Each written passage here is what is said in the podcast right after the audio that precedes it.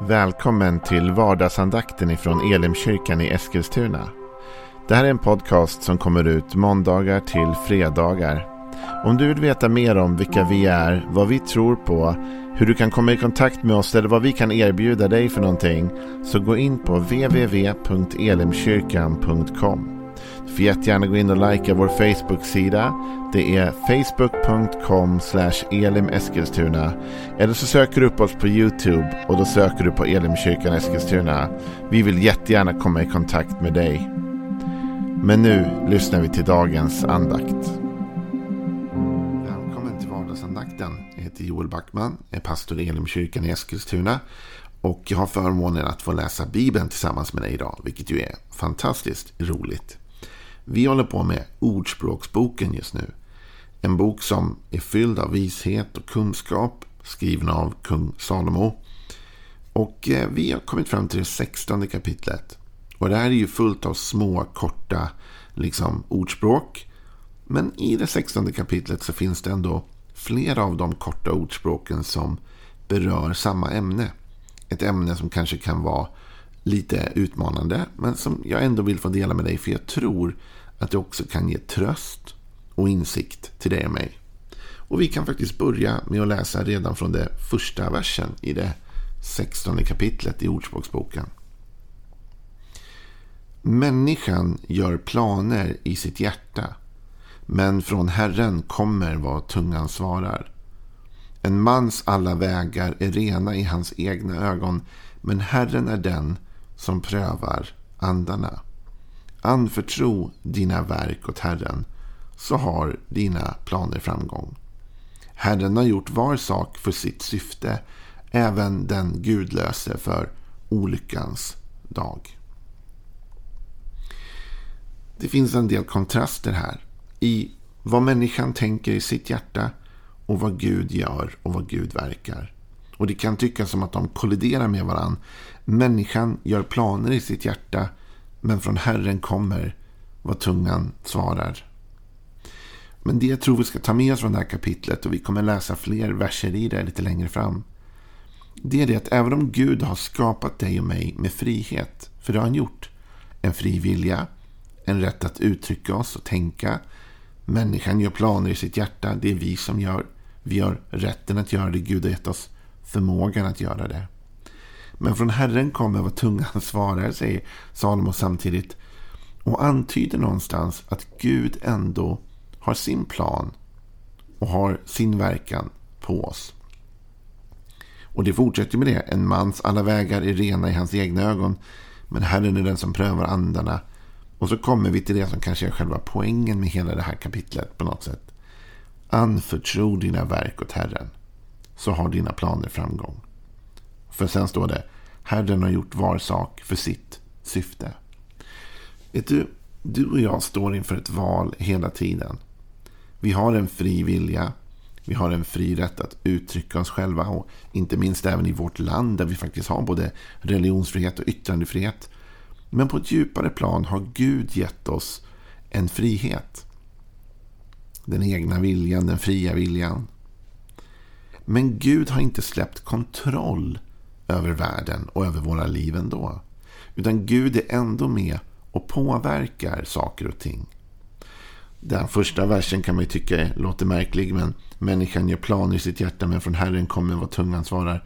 Men har du inte varit med någon gång om att du har varit i någon situation där du har sagt någonting som du egentligen inte hade tänkt säga? Det bara kom. Det bara ploppade ut. Det bara dök upp ord som du egentligen inte hade tänkt. Oj, det där skulle jag kanske inte säga nu. Eller oj, och jag sa det där liksom. Och ibland så tror jag att Gud är med och styr och ställer lite grann i våra liv. Och kanske inte så lite jämt. Därför att han vill vårt väl. Och ju mer vi har anförtrott vårt liv till honom. Ju mer har vi också gett honom rätten att faktiskt vara med och påverka. Och det är inte negativt. Därför Gud har en god plan för vårt liv. Människan gör planer i sitt hjärta. Det gör du och det gör jag med. Vi tänker, vi funderar, vi planerar I de små sakerna planerar vi för vad vi ska äta till middag idag. Och i de större sakerna så planerar vi för vart vi ska åka på semester eller vart vi vill bo eller vilket jobb vi ska ha. Massa olika saker. Vi gör en massa planer i våra hjärtan. Ändå så kommer då delvis vad tungan svarar också från Herren. Och det kan vi bara landa i vissa grundläggande insikter om att vi är skapade. Alltså hur mycket planer, hur mycket tankar jag än gör om mitt liv så är jag skapad och formad av Gud på ett visst sätt. Jag har en del genetik med mig. Jag är uppväxt i en viss miljö och jag styrde inte ens själv vart jag växte upp, eller hur? Jag valde inte mina föräldrar. Jag valde inte att födas i Sverige. Och många av de sakerna påverkar ju vem jag är och vad jag gör. Att jag är så svensk till exempel. Så att jag inte pratar med folk hur som helst. Fast nu gör jag ju det. Jag är lite konstig så. Men i alla fall. jag pratar med alla jag får chansen till. Men du vet. Jag såg en rolig sån här bild. Meme-bild. Den har du säkert också sett. Den har vandrat runt på alla sociala medier. Där liksom det var eh, typ under corona liksom, så var det två personer som stod de med det här två meters avstånd. Liksom. Och så var det någon som skrev typ så här, Sverige efter corona så var det typ ännu längre avstånd mellan personerna. Så vi, vi, vi har ju detta svenska, man inte alltid pratar med varandra hur som helst. Vi har vårt sätt att uttrycka oss, jantelagen, eller hur? Vem tror du att du är? Och så vidare. Ordet lagom finns ju typ bara i Sverige. Många sådana här saker som vi har i vårt land och som präglar oss. Och att jag är född i Sverige gör ju att jag är påverkad av allt det. Och mitt tal och mitt prat, mitt sätt att vara. Och på det sättet så styr Gud ändå lite över hurdan jag är. Alltså det är Gud som har sett till att jag föddes där jag föddes. Att jag kommer från mina föräldrar. Att jag är där jag är just nu. Gud har lett detta. Och det påverkar mig mer än jag kanske vill erkänna ibland. Jag kanske vill tro att jag har total kontroll över mitt liv. Och i någon mån och mening så har jag det. Jag kan välja att säga vissa saker. Jag kan välja att inte säga andra saker.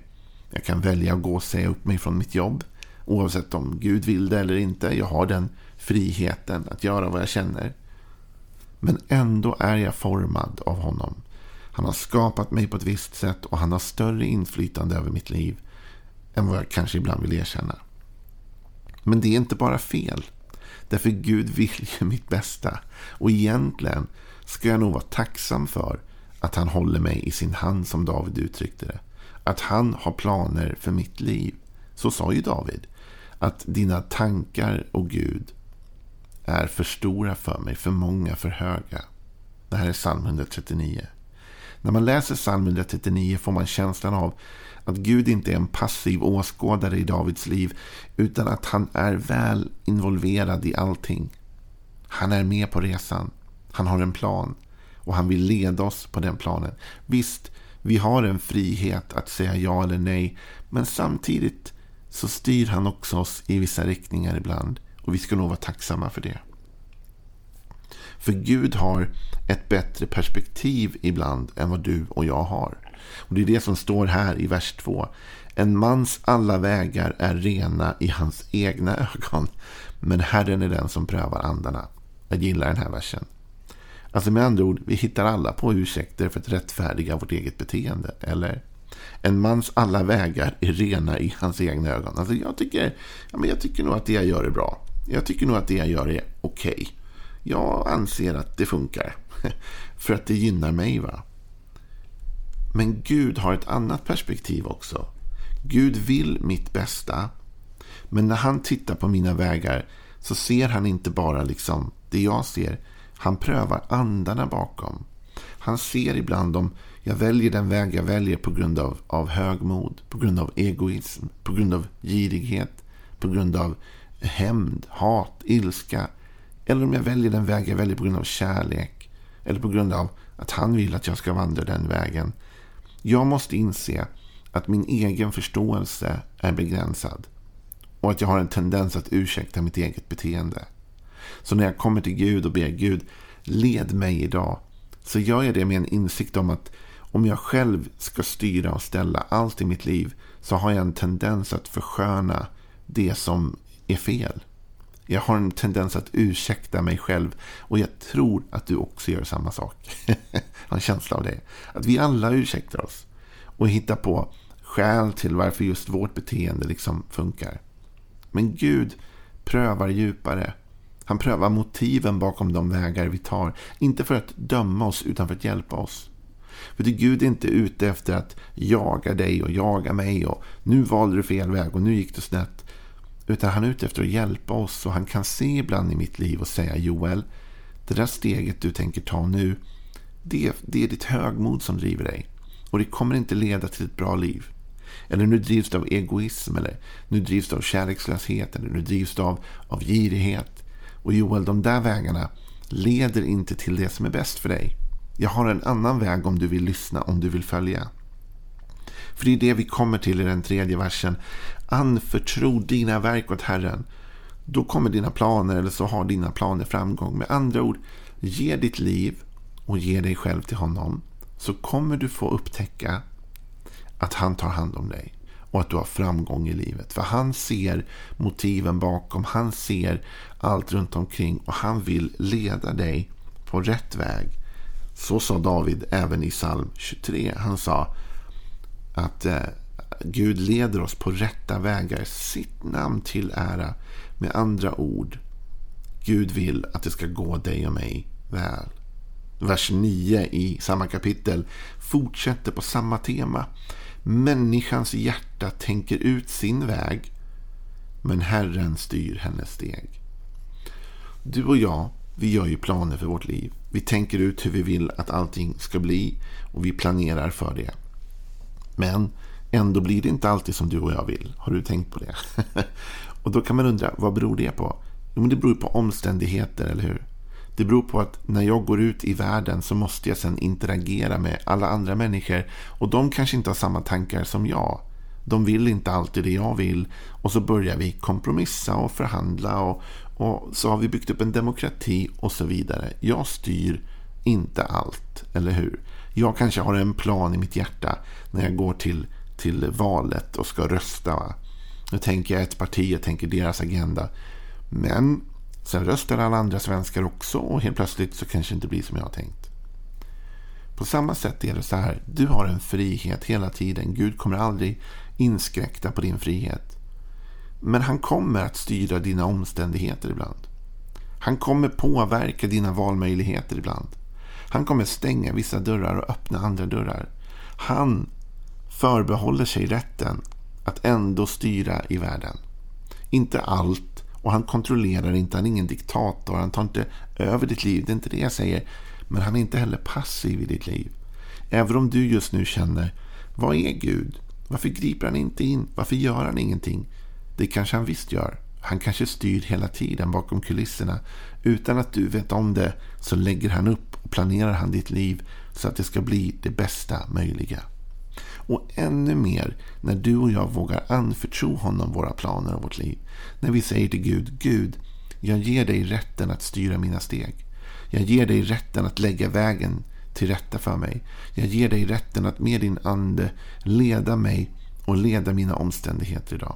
När du och jag vågar be så frimodiga böner, då kommer vi också upptäcka att Gud får ännu mer tillträde till vårt liv och tillträde till att förändra, leda, styra så att vi landar precis där, där vi ska landa.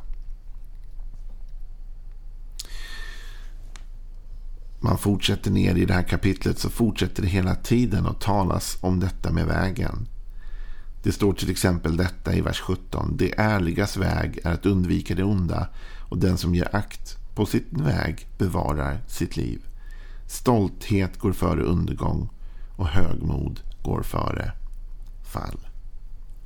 Återigen är det detta att när du och jag vågar vara ödmjuka, vågar överlämna vår väg till Gud så kommer det gå oss bättre. Gud leder oss och vi kan ödmjuka oss eller vi kan vara högmodiga. Vi kan säga till Gud, Gud, jag vill inte att du är och pillar i mitt liv eller leder mig eller styr mig eller, eller på något sätt. Men du och jag, vi får bara problem av det. Men om vi däremot väljer en ödmjuk attityd. Gud, du som har skapat himmel och jord. Du som vet allt. Du som prövar andarna bakom vägarna. Du som vet allt som finns runt om hörnen. led mig. När vi tar en sån inställning då kommer det gå bättre för oss i livet. Gud kommer föra oss fram med frimodighet på rätta vägar, sitt namn till ära och oss till fördel. För när vi kommer ner till den 25 versen så kommer den dystra sanningen. En väg kan verka rätt för en människa men till slut leda till döden. Alltså du och jag kan tycka att vi är på rätt väg, på rätt spår. Men vårt synfält är så begränsat. Vår insikt om världen, om rätt och fel, om allting detta är så begränsat. Men Gud är obegränsad. Han står utanför tid och rum. Han ser allt. Han vet allt. Och när vi låter honom leda oss, då kommer vi att landa rätt. I Filipperbrevet som avslutning säger Paulus dessa ord. Jag är övertygad att han, alltså Gud, som har börjat ett gott verk i er, också ska fullborda det till Kristi Jesu dag. Låt Gud fullborda sitt verk i dig. Låt Gud leda dig. Fullt förvissad om att han vill ditt bästa och fullt förvissad om att du och jag ibland fattar fel beslut. Vi har frihet, men låt oss använda den frihet, friheten till att ge Gud förtroende att leda oss. För när Gud leder oss, då kommer vi rätt. Ha en välsignad dag. Imorgon är vi tillbaka med mer av Ordspråksboken. Och eh, jag ser fram emot att dela mer tankar med dig då. Gud välsigne dig. Hej då.